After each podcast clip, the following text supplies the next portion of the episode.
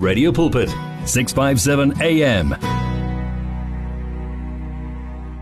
Or uthi Thepa ho Jehova usifiso S Samis uthi worship medley ihambe e njalo ke i3 e songs in a row isikhathi sithi 17 after 3 o'clock njoba ke ngishilo ukuthi uma ngibuya nginoma mphumla patience ngiltholile lelo gama emamphumla eh, ukuthi second name u oh, patience yes cry sekomkela la ekhaya Thank you bahle. Thank you so much. Uyazi ave kumnandi sihlanganyela ngokukhuluma nje okuhle sikhuluma ngemsebenzi kaJehova sikhuluma nangobukhulu bakhe i know ukuthi nawe um, kulentambama usiphathele okuhle and kunamandla eh, lapho sifakaza khona yeah. ngaye uJehova so wamkelekile la ekhaya siyabonga ukuthi bengumngani oh. Ah. and ube ngumsizi ngiyazi ukuthi ngazonke ikhathi uyalalela thank you so much bahle thank you so much hmm, ngicela mm, ubabingelele lapha emakhaya I greet all the radio pulpit listeners in the mighty name of my Lord and Jesus Christ. Amen. A blessed afternoon everyone.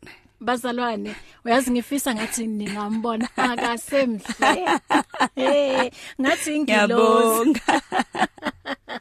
Ngiyazi eh. ukuthi ke um kunengi osiphathele kona. Um uyazi futhi ngesisikhathi uthola ume kumnandi sixoxa ngathi isikhathi nje singanwebeka. Um ukhulume nje konke okusenhlizweni yakho.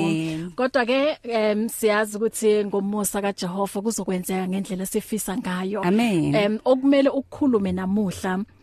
kuzozwakala kunjalo zonke nje indawo 19 after 3 ngiyakwamukela uma usanda kungena sinomamphumla eh cry kule ntambama em ubhale incwadi lami eh uh, uyibiza when grace locates you locates you amen and into engiyithandayo ngaye incanyana nje ungayifaka na ku your handbag yes ithi u stuck ku traffic uyithathe nje ufunde nje uyabona uvuseleke mm. ungagcini nawe so une anger ukuthi le traffic kanti why ingahambi so itha lencwadi inhle kakhulu uzositshela mm. kabanzi ngayo ukuthi um yini eyamgqugquzela ukuze ke agcine ayibhalile mm. em mam Phumla asiqale ke yabona siqale ngalo Phumla okhulayo amen em uzalelwa kuphi em ukukhula kwakho nje ukhule kanjani okay thank you bahle um i'm the nine i mean i'm the seventh born of nine siblings mhm mm um i believe my mother and my father called me Pumla because they thought yazi siyaphumla ngoko you know yeah. but god being god there's other two children after me mm -hmm. so i grew up um at an early age of 8 years old that's when my dad passed on and that meant that my mother who had never worked must take over the responsibility of being a single parent raising nine children the firstborn 17 i was 8 years old the lastborn was 5 years old then. Mm. I believe strongly the grace of God started locating me from that time. Wow. At the age of 8. At the age of 8 when my dad passed on wow. because that's when my eyes were opened to the because my dad was my everything. Mm-hmm. So now I didn't have a dad and I had to look for something mm. that will represent dad in my life and uh, God being God mm. became everything and more than my dad. Yeah. Yes, yes. Mm. ukhulela kuphi so i was born eh, in the eastern cape mm -hmm. eCofimvaba endaweni ekuthiwa kuse St Marks you know where the KD Matanzi Mazi the, the Makwetus yeah yes mm -hmm. that's where I'm from yeah and um but I grew up in Amtata and I schooled in Amtata because that's where my mother was as a domestic worker mm. and out of nine siblings I'm one child that was fortunate to to stay with my mom because uh we know then that um, if you had many children and you, could, you couldn't afford them, the next best thing is for each and every relative to take a child to support you or to to, to kind of help you. So I grew up ngihlala emakhitchini nomama most times. Mm. So I I think that's why I'm saying the grace of God has been upon my life like in a way that I find it that that's when the book was was was originated because when I turned 50 I looked back and I, I could only see the hand of God. Then the, the, the when grace locates you is a form of say, thank you, Lord. I have seen your hand yeah. upon my life. Mm. Yes. Ngigcwalisela kulokho mamphumla esichazela ngakho um oh, she's a business woman.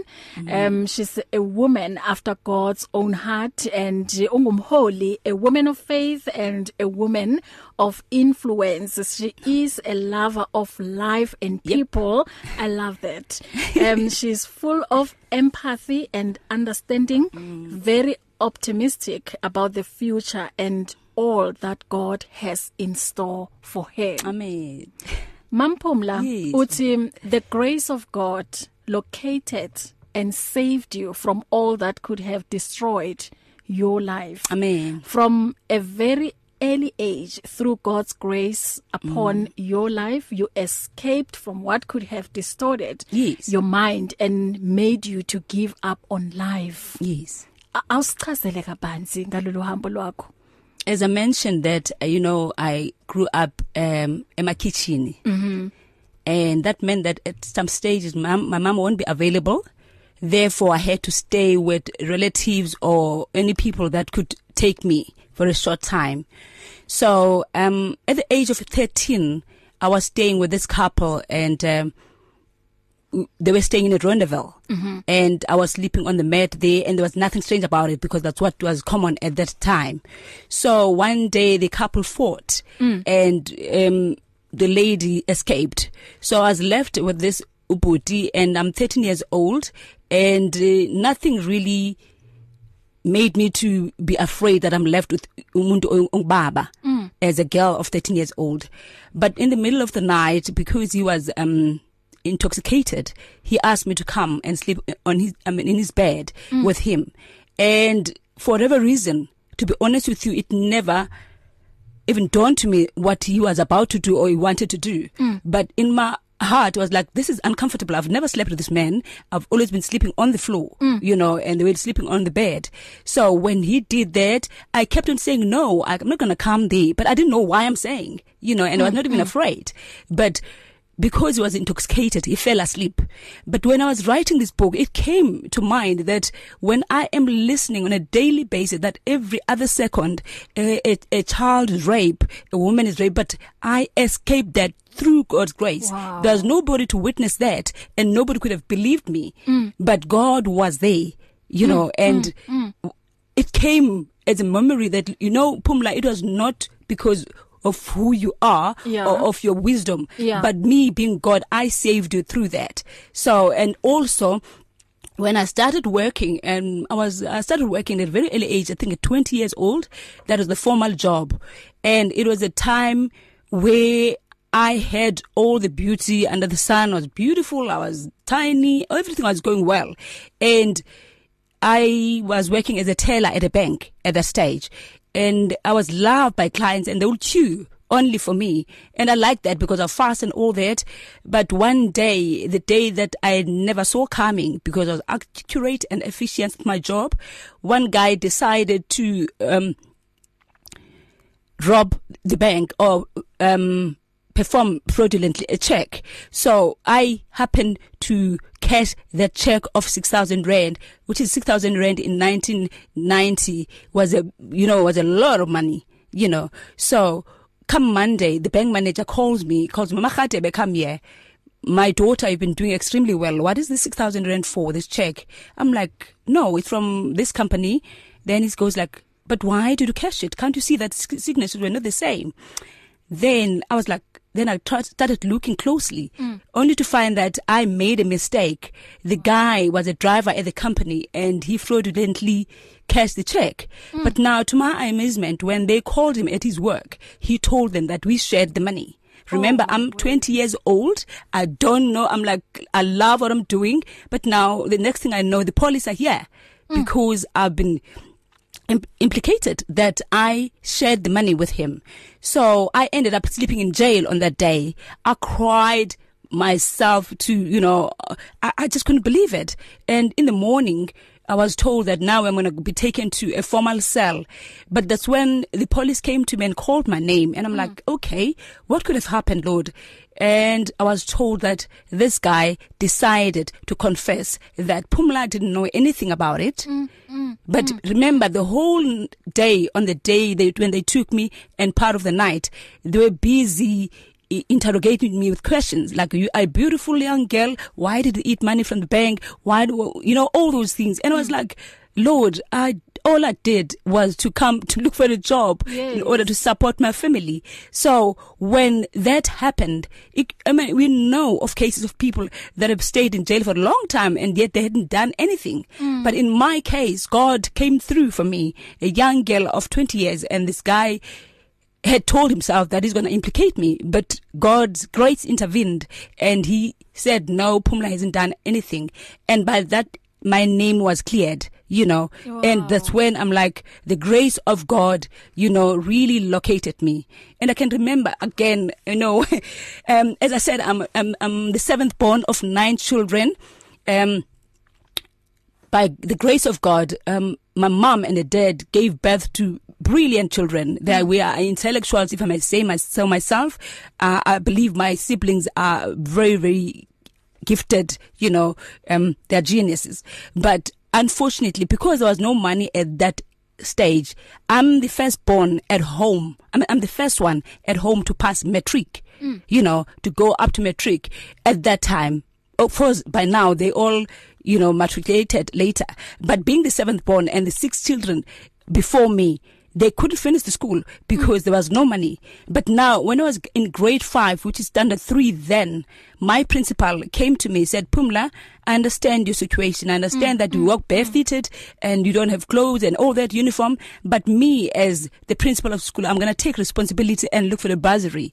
And it was the first time then that you, uh, for a grade three, I mean grade five or a standard three child to get a bursary and honestly the grace of God located me. So now Batla you, you can get the picture yeah. of what God has been doing in my life and I felt when I turned 50 I cannot keep quiet. Wow. You know, if you read that book there is more. There is more that when I look back I feel you know what any other human being if it was not because of the grace of God would have given up but because Jeremiah 29 verse 11 says, "For I know the plans yes. that I mm. have mm. for you, the plans not to destroy you, yes. but to prosper you, yes. the plans to give you an expected end." So I'm sitting here, you know, mm. full of hope, knowing that, you know what, like the Bible says in Job, that Job's last days were better than the former days. Through all that he went through, he was more prosperous you know, the Bible says he was more prosperous mm. and everything went well with him. So I'm sitting here knowing that the expected end is about to come, you yeah. know, any mm-hmm. day now. You know, that's why I I I feel I can stand and say kuyahambeka endleleni mm-hmm. that's why total transformation ministry was birthed in 20 10 on the 13th of February is mentioned in the book mm-hmm. you know because i uh, God's grace dealt with me as a mm. person and transformed me not to only know the word but to believe it and not only believe in it to have faith in it yeah, and therefore action is by standing by it come what may know that you know what when he says I will never leave nor forsake mm. you even if I'm in a corner in my life yeah. where I feel Where are the people that I call friends? Where are the people that I walk with in the road? But I know that I know that I know that God will never leave nor forsake me. Amen. So total transformation was merely birth for Christians that are say, you know what, we've heard the word, but to walk on this road is almost impossible. But total transformation mm. is based on Romans 12 verse 2 which says be not be conformed to the standard of the world of this world, but be ye transformed by the renewing of your mind and therefore you'll be able to defeat whatever comes your way. Mm. Uh, I'm just um, paraphrasing the verse but what i'm trying to say to Sibubahle is that you know what through it all yeah. god's word is yes and, and amen. amen his promises mm, mm. his promises he's not a man that he should lie not a son of man that he should repent he is god who is god who was god who is always be but we as christians we need to just stand firm on his word and trust him you know even yes. if situations are hopeless you know mm. and just trust him to be the god that he said he is amen amen, amen. yo what a powerful testimony uyazi ngempela um siphila ngawo umusa kaJehova kusikona ukuhlakanipha kwethu o ukwazi kwethu o mm-hmm. ukuthi sinamandla kangakanani mm-hmm. kodwa konke mm-hmm. kuumusa kaJehova amen amen tell us more about ama ups and downs empilo ngibona la ku chapter 9 yes um ukhuluma ngama ups and downs of life yes mm. yes oh yeah life is full of ups and downs yeah but when you are down you feel like you'll never go up again yeah and it is in those times when you feel you know what god let your will be done in my life amen i am a single parent currently mm. a woman who got born again at um I got born again at a very early age mm, mm. but I got born again born again that is yeah. soberly now knowing what I'm doing at the age of 24 years mm. which is another story in its own the grace of God I I, I would just like to share it a little bit of, about it you know uh, as I said I was working at the teller at the bank there was this old man who had a kumbi who'd come every day with lots of cents but wouldn't want anybody else to serve him but me mm. and when he comes he would look at me and like you're beautiful you know there's just something about you mm. and I learned later that that was the pastor at Assemblies of God you know mm. and the bank then introduced pants we all know that long ago, I mean, during those days, the pens were a no-no business as uh, some of God. But lo baba lo would come to me and said, "Mari, it's the first time ngibona umuntu wesifazane efanele ibhlukwe kanje." so I'm like, "Okay, what's up with you, old man?" Mm-hmm. You know? Mm-hmm. But all in all that was the grace of God because I remember in 1992 there was nothing that was wrong in my life at then I took a decision that you know what I'm going to take go to church on the first Sunday of January that was the 9th um, um, um, yes I must go to church and I will go and accept Jesus as the Lord and Savior I just walked to church and and when I told myself I'm going to go and meet Lobaba Pastor Gwabe then of the Assemblies of God so when I walked in you know he was smiling and he was shocked that how come you know where my church is obviously I had done my little bit of research but what I'm trying to say is that what he planted the seed of love that he planted when I was a teller and applauding me and giving praises where a mere human being would say lo mntana unxibe ibhlukwe and you know and all those things you know how we were then yes. but that on its own made me to make a sober decision and just go to church and accept Jesus as the Lord and, and savior of my life and obviously I've never looked back since then but as a beautiful woman and as a child as a as a girl who dev- has devoted herself in the Lord. I-, I wanted a family in my life. I knew that you know what one day I would like God to bless me with a family. Mm. So when I say the ups and downs of life, you know, our wishes sometimes don't become what you know we don't really get what we wanted mm. so at an early age of, of 28 um, years old i got married you know, that as the ups and downs, which is a beautiful thing, is uh, something that um I feel I had to go through. And when I got married, sadly, after some time I went through a divorce.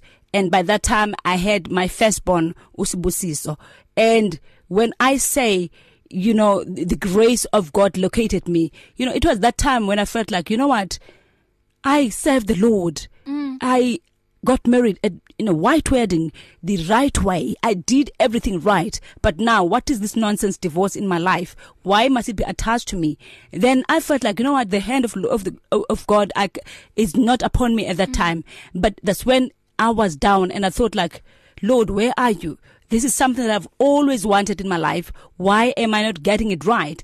But God being God, because his word says, you know, you know I always laugh and and and there's a post that I always put now and then that you know when we go through stuff, mm. when we go through stuff, mm.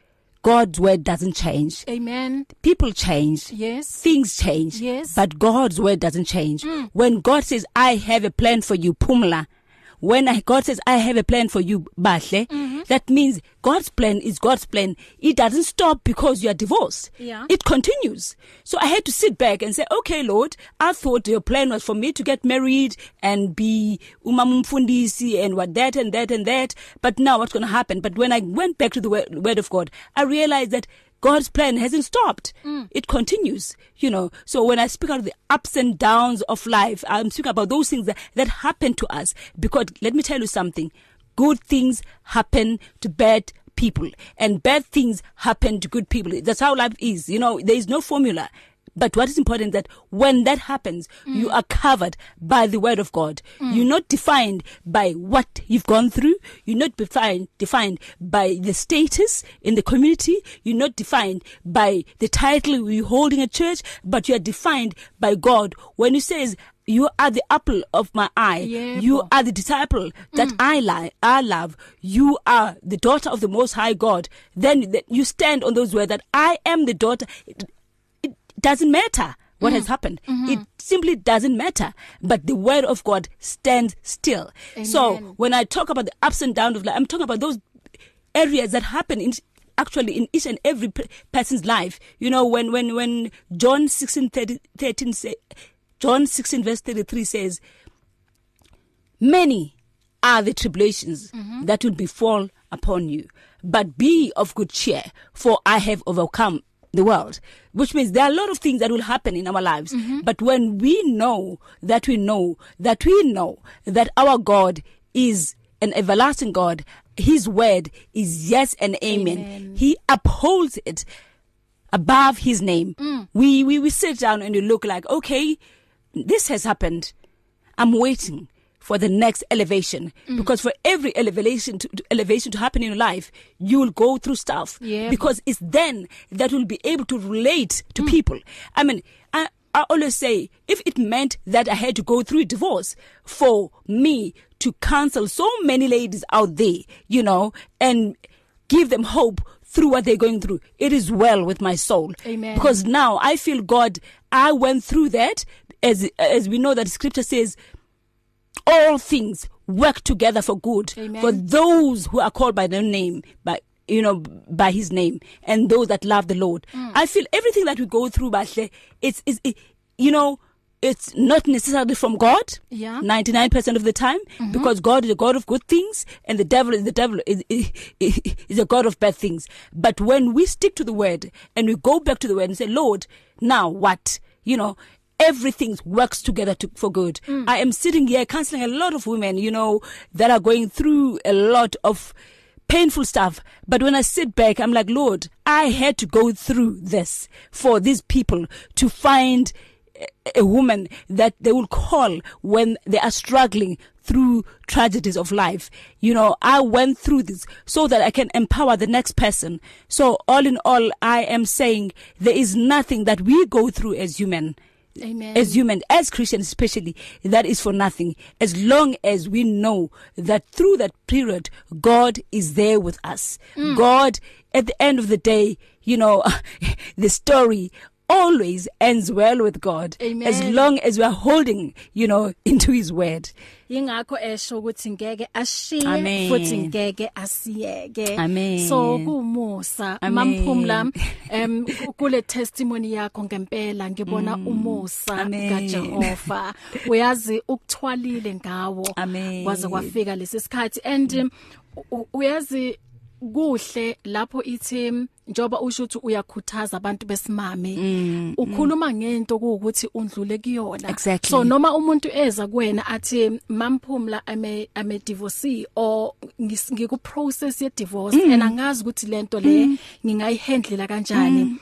you know amazwi aright okumele uwakhulume kuyena because it, it's, it's something ukuthi yes undlule kuyona mm. isikhathi sethu sithi 1541 ngiyathemba wow. ukuthi nalapha emakhaya bayathanda ukuthi ke eh, mhlambe banga exoxa eh, nawe mm. asivulele incingo 0123341322 ungashayela lapho ke uma uthanda ukukhuluma nomama eh Phumla Krayi ithike kwamanje ngindlule ngala uma mm. sibuya Ungashaya ucingo ungathumela ivoice note yakho ngeWhatsApp ku 0826572729 noma uthume utype nje uthumele ngeSMS ku 37871 At this stage We will not be able to deal with phone-in prayer requests. However, each prayer request is important to us, and we invite listeners to please submit their prayer request as follows. Email prayer@radiopulpit.co.za or gebed at radiocancel.co.za. Prayer requests can also be lodged via the Radio Pulpit website www.radiopulpit.co.za or www.radiocancel.co.za. You can also send us a WhatsApp on 0674297564. Although we will not be able to give detailed feedback on requests, please be assured that our network of prayer partners will pray for each and every request. Get in touch with the truth, the light, and the life. 657 AM. If you need prayer, please send your request to prayer at radiopulpit.co.za or WhatsApp 067 429 75 6464 or go to Radio Pulpit website on www.radiopulpit.co.za 0123341322 noma ngashayela ku 0123338699 sawubona semoyeni Hallo Pastor Mhlapho mina mina Siyaphila baba wenu njani hayi ah, siphilile sithandathu amen ha ah, ah, lo ngumprofethi lo uthi ngubani ngumfundisi balo unaye ngapha isithuthi ngumamphumla krayi eyoyo hayi ngumprofethi lo umprofethi uvutha amadangaye amen straight straight straight mm mm ujeremiah 29 to 11 wesitshela kahle ngaye ba ezithu i-dreams zincinci kodwa ezikaNkulunkulu zinkulu ngathi amen zinkulu ngathi thina sifuna nje ukuthi uNkulunkulu asithenje indlu asithenje imoto uNkulunkulu ufuna usipha izindlu imoto masisindisiwe mhm masisindisiwe and une plans ngathi mhm straight kodwa ukuthi masiqale sithini pha ku bakumethew 6:33 masiqale sifune umbuso wakhe kuqala mm. zonke zizawuthini zizolandela yebo number 1 siyabonga siyabonga ngokuzithola umhlobo sethu njalo yebo baba mm hayi ke sizamamele amen hlala nathi until 5 o'clock god bless you bye bye mm mm-hmm. um asithole futhi enye i oh um ngithe sihlezi nengilo so lalela usibongile uthini eh mampu uthi sicela ipicture yengilozi sesiphumla sibongile iyeza ubuke nje iWhatsApp em noma ngathi iFacebook yakho eh siyeza isithombe sika Mamphumla esihle emuhle naye asiye futhi la uh, ku line um okay use usehambile um ithi ngibuke ngala um sawubona usemoyeni sawubona Hello. Hello ma. le kae mama re teng wena o kae ¿eh? mametse mere ke na le mmephumla eh mmephumla ke a lutlo message wa lena mo nna ke ka mara process ya divorce no e ke palala go tshwarela o mo processing o me ya divorce oh, mo tshore le separate le hona jwanong e ke mo processing ya divorce no ke neng ke le mo yona from 2013 but e mm. e tla fela because ke go go humane lawyer mm mm mm and so is ke pala go motshwarela monna a o khone ho motshwarela okay mm. o tlamamela mo radiong ne mama okay oku khona mhlambe uthanda kumbuza kwana mamphumla before a uh, beka phansi ikaba e, e ikaba ya ya re ha mona sa sa maintain bana at all family yetseng mara sa maintain bana ha bona nako ya go maintenance ke tse gore ke motho ke nna phudisitseng mo tsela ke ne ke tsa gore ka lengwe la matsatsi e tla e tla ba maintenance nang sa an a se ba rona le bana okay mama all right e o tla mamela mo radio ng ne okay thank you thank you mm okay uh, eh, before 4 sizophendula leya kamama ithi ngithathe eh, okay enye line ngala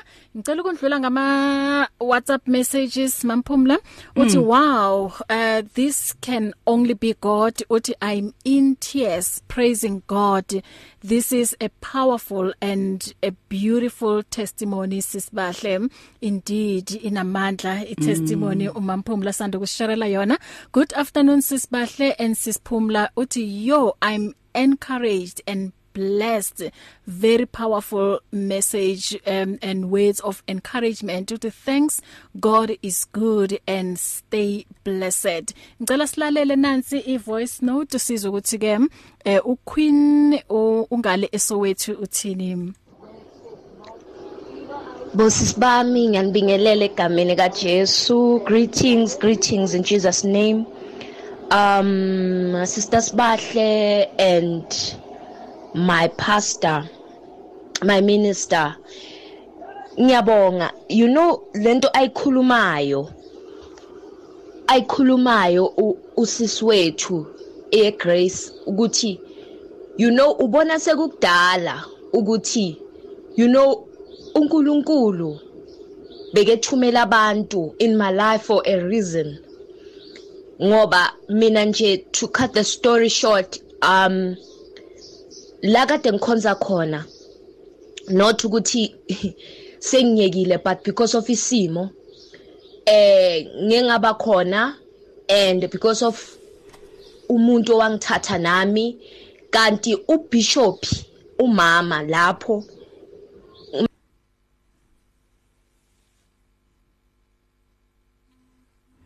was last year then ke njengoba ngilokuthi ngifunana nomsebenzi eh sengisho ukuthi wangibhadalela ubishop engasiwu mama wami ongizalayo so yikho ngithi ngiyayibonga lenkulumo ngoba eh uNkulunkulu uthi i know what is best and good for you mm. uyasho ezwini lakhe so ngiyazi ukuthi nami ngaleso sikhathi ngibhadalelwe umuntu ongeke kusasa angifune okuthile but uNkulunkulu when he touch a person kusuke kuukuthi yena uthi lo muntu ngimveza kuwe ngoba mina nguNkulunkulu yenza kanje na kanje for yena unfortunately last year unfortunately i'm sorry this year september ubishopi wami ushonile eh wewagula and then samncwaba so namanje ngisalimele ngaye kodwa-ke lento angenzela yona ngiyabonga ngoba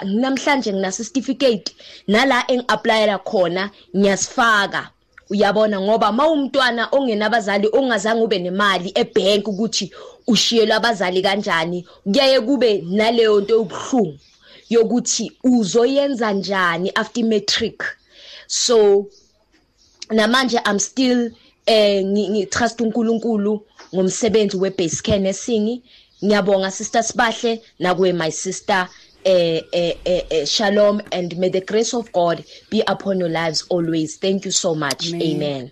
thank you queen mm -hmm. um ngokuthi nawe ushare your testimony ngicela ukubuyela ngala futhi sawubona semoyeni hello hello ma hello sicela usicishele radio or u, u... hello ma hello. Hello mama. Okay, usukile phambi kwe radio? Okay, ngikubuza. Ah, eh, ya ngoba ngeke sikuzwe kahle uma em okay ubuyile? Yebo mama. Ngiyakwamukela. Ngiyabonga ngokulalela lenkulumo yenu yangikhuthaza. Yangikhuthaza ngempela mm. ngithi yebo mama. Ngisenkingeni enkulu ngicela ukuluza ipension yami yonke manje.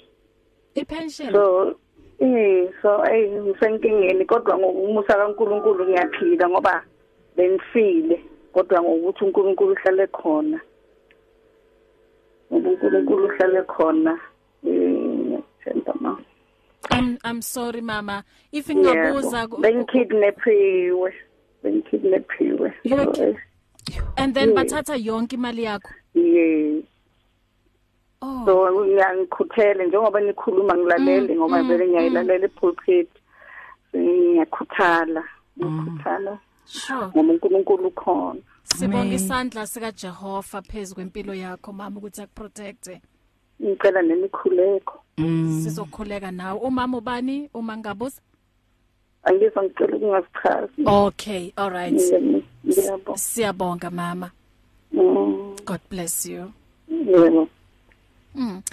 Eh ethi sibone la eminye imiyalezo.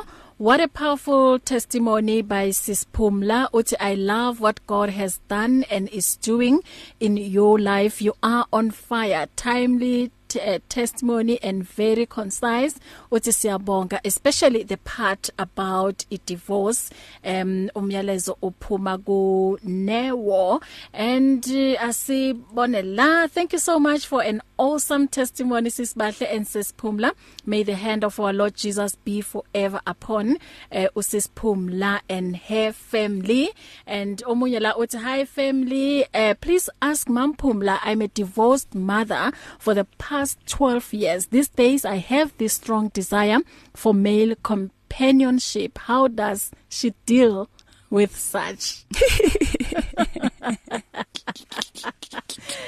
Yo mamphumla okay asiqale ngalene and then mm. uma siqeda siye kuleya kamama othi akwazi ukuxolela mm, mm, eh uku process ye divorce and then eh usis queen naye bekathumele i voice note mhlawumbe eh kulokho naye bekakushare mhlawumbe ufake nje amagama amabili or amathathu asiqale ke ngale yokuthi how how do you deal with such the truth is when you feel like the way, that way mm -hmm. that means you are alive yeah those are beautiful emotions mm. that are were given to us by god but what's important is to manage them and how do we manage them That's where total transformation comes in.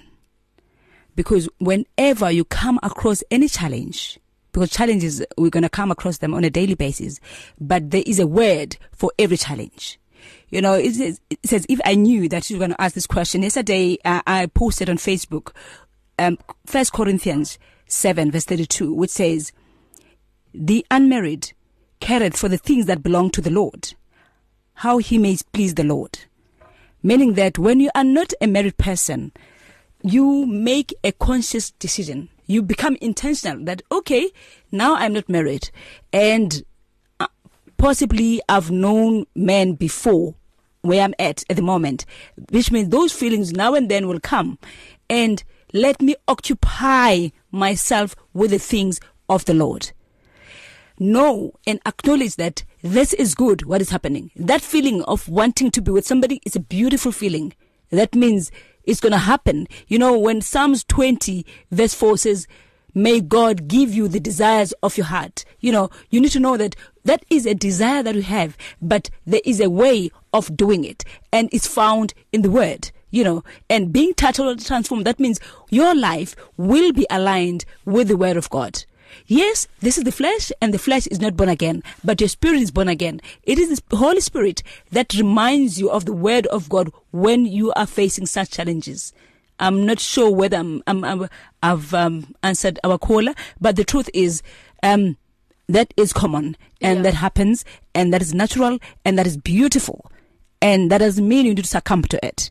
You know, what's important is you go back to the word of God and ask the grace of God to carry you because he can and he will. And even if at some stage you get tempted, never condemn yourself. You know, get up and walk mm-hmm. because the power of sin is in its secrecy you know and immediately when you realize hey i did something that is not of the word because we are a work in progress and we sin sometimes not aware or we found ourselves in sin because at that moment we are caught in that feeling but have a a conscience that comes back to God and say, what does the God, word of God say? You know, it says, I must repent. That means I must repent. Repent means go and sin no more. Mm-hmm. But go back to the word of God and ask the Holy Spirit to help you to deal with such situations. You know, it's, it's a daily walk of submitting to the word of God, submitting to the Holy Spirit mm-hmm. and surrendering your life intentionally to the things of God.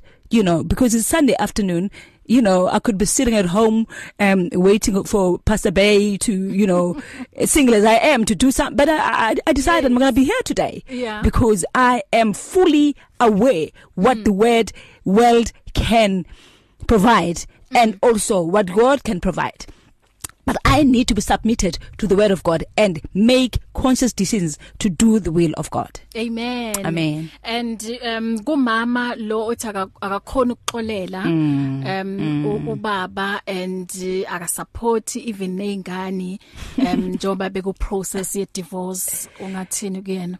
Um Mntanasekhaya I'm going to ask you and humbly ask you and possibly pray in me asking you is a prayer. Mm. that in whatever you do, do forgive. If we recite the very first prayer that Jesus taught us, mm. he said, Forgive me my sins as I forgive others. Which means without you forgiving the next person, the chances are you will not be forgiving yourself. So when you are forgiving anybody, you are freeing yourself of the burden, you know, and you're not saying I'm approving of what they've done to me. You're not saying, I'm happy with what they've done to me.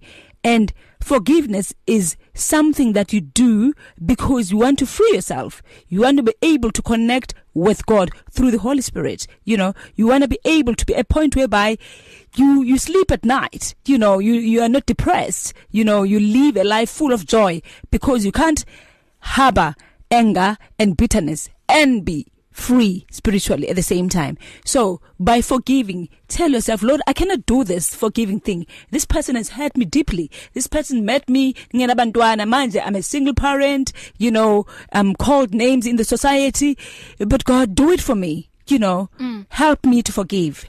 And God in his grace and his loving being a caring father, he will teach you to forgive. Mm. It's it's something that you need to go to God and ask for. personally, you know. Mm-hmm. I cannot do it for you, but you need to say, you know what, Lord, this is heavy for me. This person has hurt me deeply. Cry to God and tell him exactly how you feel. And him being God, he will rescue you or he'll keep he'll put you at a place where you're at peace mm. with your enemies.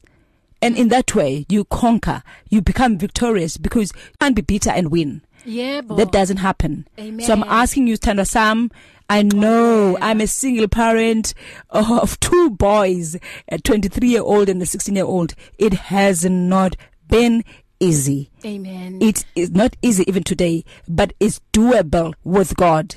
Kuyahambeka. Mm. uNkulunkulu you know let, let, let, let's do this as as consciously and soberly so that in every challenge that we come across single married or whatever we go back to the word mm-hmm. because it's where we found strength mm. you know the, in psalms david says your word is a light unto my feet unto my you know feet, yes so let's go to the word and also um we read in isaiah 26 verse 3 where it says you will keep him in perfect peace whose mind is set in you the one who trusts in you which means my mind as uphumla i need to be it needs to be set in god mm, mm. my mind i need to trust god with all i have and therefore based on that he will keep me in perfect peace so every answer is in the word of god that's okay. all i can say mm-hmm. but we there's a here's the thing when you are faced with stuff you know the, the, the devil is a way of enlarging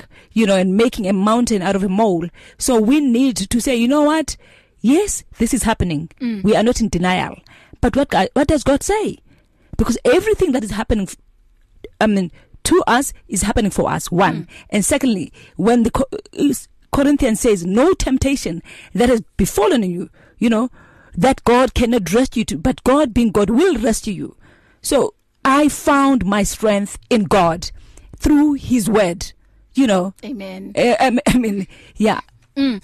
Um before siphuma la ngoba ngiyabona isikhatsi sethu um siyahamba kakhulu. Yes, um ungamkhuthaza wathini umama othi ulahleke lo olahlekelwe imali yakhe pension mm. and she was kidnapped.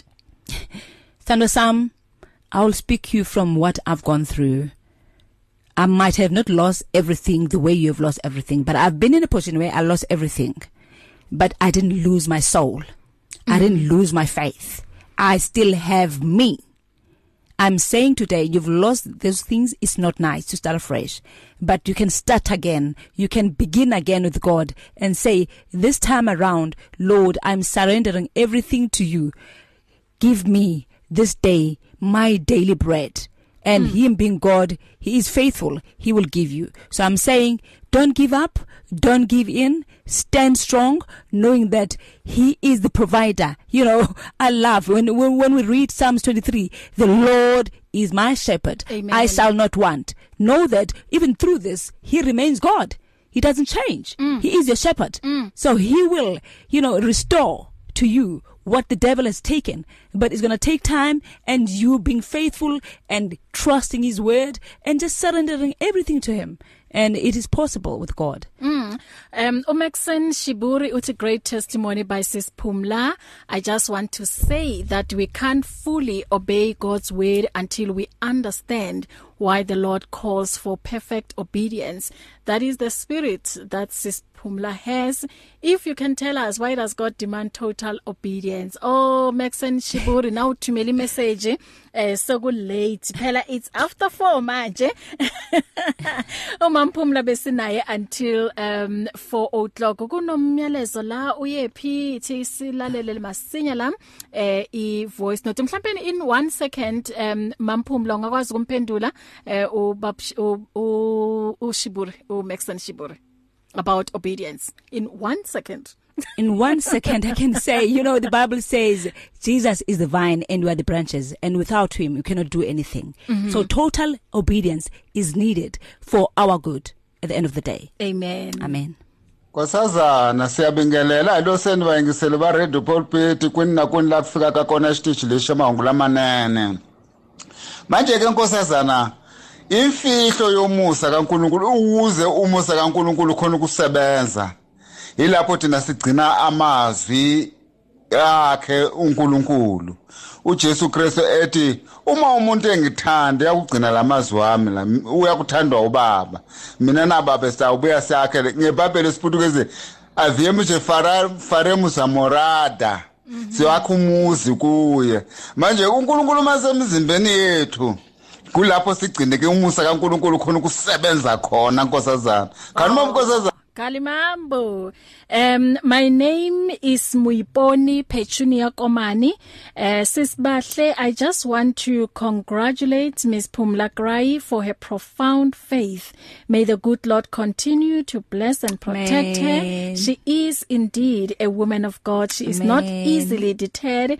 Mm. Um she is a fighter and may she continue to plant the seed of love and forgiveness across um mama olahlekelwe imali yempension kukhona la um umuntu othanda ukukusiza um sicela nje usithumele ungithumele icontact yakhe so if possible ngicela ungithumele your contact la ku eh ku WhatsApp noma nge-SMS usho nje ukuthi umama olahlekelwe imali yepension ngoba kunomuntu othanda ukukusiza lana ungishiyele inamba yakhe uthi umama who lost her pension i would like to chat with her and then wathumela inamba yakhe so please do so ngicela ungithumelele inamba yakho ngizokwazi ukuthi naye ngimthumelele o wena ngikunikeze eyakhe and then ukwazi ukuthi uxoxe naye akusize mamphumla bengithi ngiyavala so ithi ngitshontshe nje a minute okay uhambile bengithi ke ngizothatha enye i eh obeshaya lana